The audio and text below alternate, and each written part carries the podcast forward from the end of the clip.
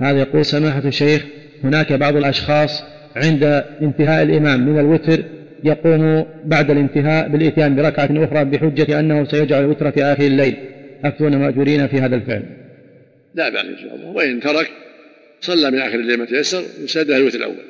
وإذا صلى مع الإمام في أول الليل وجاب ركعه أو خالوت آخر الليل فلا حرج.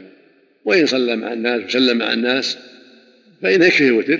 وإذا قام آخر الليل يصلي ما تيسر يصلي ركعتين أربع ركعات ست ركعات ثمان ركعات يسلم من كل الاثنين ولا يحتاج وتر كفاه الوتر الأول.